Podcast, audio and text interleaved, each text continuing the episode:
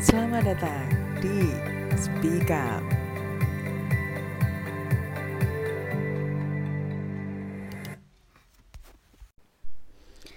Halo bunda semuanya, Assalamualaikum warahmatullahi wabarakatuh. Kembali lagi bersama saya Melina Dita yang akan mengisi Speak Up di minggu ini. Setelah minggu lalu kita mendengarkan suara merdunya si Bunda Utet ya kan uh, Yang membahas mengenai tips parenting untuk mama baru Nah untuk minggu ini uh, 11-12 lah masih sama kita akan membahas mengenai tips parenting juga, tapi kita akan mencontek beberapa tips parenting yang dilakukan sama Kimbap Family. Yaps, Kimbap Family. Mungkin Bunda yang suka drama Korea atau suka K-pop atau pokoknya yang suka berbau-bau Korea pasti udah kenal kan sama keluarga online yang satu ini yang selalu kita lihat di TV atau di channel YouTube-nya mereka, kayaknya mereka ini selalu happy dan kompak ya kan antara emak, bapak sama anak-anaknya. Nah, Kimba Family ini yang uh, terdiri dari Mama Gina, Apa Jai, Yuji, Sunji dan Jio yang akan kita contek dan uh, kita korek-korek sedikit mengenai bagaimana sih cara mereka mengasuh ketiga anaknya. Soalnya kadang memang uh, bikin kita iri ya kalau lihat kompaknya mereka di TV atau di channel YouTube-nya mereka. Nah, ada beberapa tips nih dari Mama Gina yang bisa lah sedikit-sedikit kita tiru atau kita contek untuk diterapkan. Tetapi Bunda perlu ingat juga bahwa Tips-tips yang akan kita contek ini harus disesuaikan dengan kondisi keluarga masing-masing, ya kan? Tidak semua tips ini bisa kita terapkan di keluarga kita, karena kalau kita paksakan, nanti malah hasilnya tidak sesuai dengan ekspektasi yang kita harapkan nih, Bun. Nah, apa aja nih tips parenting ala Mama Gina? Yang pertama, menurut Mama Gina nih, cara mudah agar si kecil doyan makan, terutama makan sayur ya, adalah orang tua dapat memberikan contoh. Karena anak-anak ini merupakan peniru ulung ya kan bun dari kedua orang tuanya. Jadi dengan kita memberikan contoh untuk memakan dan menyukai sayuran, nanti akhirnya mereka akan meniru apa yang kita lakukan. Nah, Selain itu juga hmm, kita bisa bikin atau uh, buat si sayuran ini kita potong dengan bentuk yang lucu-lucu supaya si kecil juga lebih semangat untuk makan makanannya itu. Nah, tips yang kedua dari Mama Gina, jika anak-anak bertengkar, Biasanya Mama Gina dan Apa Jai ini mengajak mereka untuk berbicara dari hati ke hati dan membiasakan mereka untuk saling berbaikan setelah melakukan pertengkaran itu ya kan? Biasanya kakak dengan adiknya.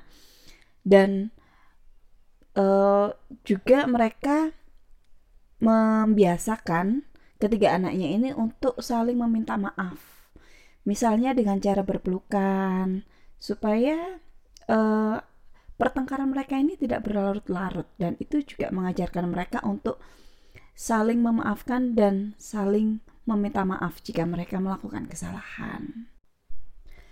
Tips yang ketiga mengenai anak-anak mereka yang suka main gawai atau gadget, ternyata mereka pun tidak bisa menghindarinya ya bun ya, sama lah seperti kita.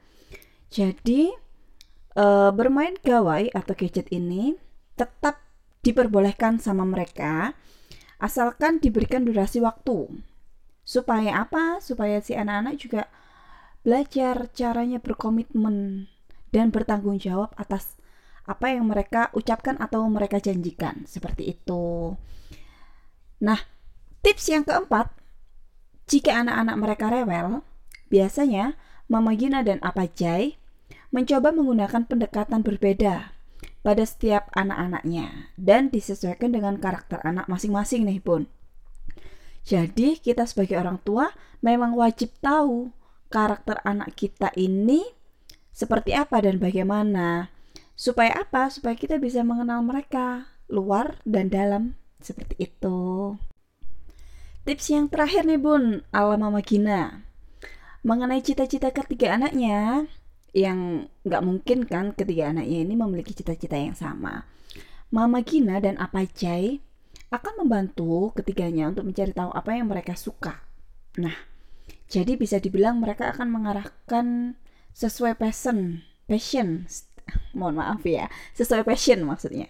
Setiap anak-anaknya sehingga uh, si anak ini tidak merasa dipaksa oleh orang tuanya untuk menjadi apa yang diinginkan orang tuanya. Jadi anak bisa bebas memilih apa yang mereka mau.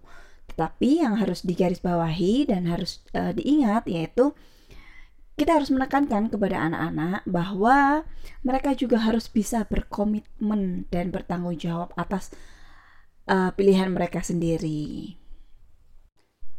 Nah, lima tips tadi bun bisa lah ya kita contek untuk diterapkan. Tetapi seperti yang saya katakan di awal tadi, tetap harus diingat harus disesuaikan dengan kondisi dan keadaan keluarga masing-masing. Karena tidak semua tips parenting ini bisa kita terapkan antara keluarga satu dan keluarga yang lain ini karena pada dasarnya karakter setiap orang itu memang berbeda-beda ya. Apa yang baik mari kita terapkan dan apa yang tidak baik mari kita buang jauh-jauh pun mungkin beberapa tips ala Mama Gina ini sudah ada yang dilakukan oleh bunda semua ya kan? Dan mungkin juga ada yang belum ada yang belum melakukannya. Nah bagi bunda yang belum uh, tips tadi bisa menjadi tambahan pengetahuan baru untuk kita semua. Karena memang untuk menjadi ibu ini adalah proses belajar, ya nggak pun. Tidak ada yang benar dan tidak ada yang salah, karena uh, kita semua ini uh, statusnya itu masih sama, ya kan? Kita ini masih uh, belajar dengan tujuan yang sama, yaitu memberikan uh, segala sesuatu yang terbaik bagi si kecil supaya mereka bisa tumbuh kembang dengan optimal. Oke. Okay? Nah, oke okay, baiklah saya rasa cukup untuk obrolan speak up hari ini. Semoga bisa menambah pengetahuan dan bermanfaat bagi kita semua. Saya izin undur diri dulu. Stay healthy and stay safe. Wassalamualaikum warahmatullahi wabarakatuh.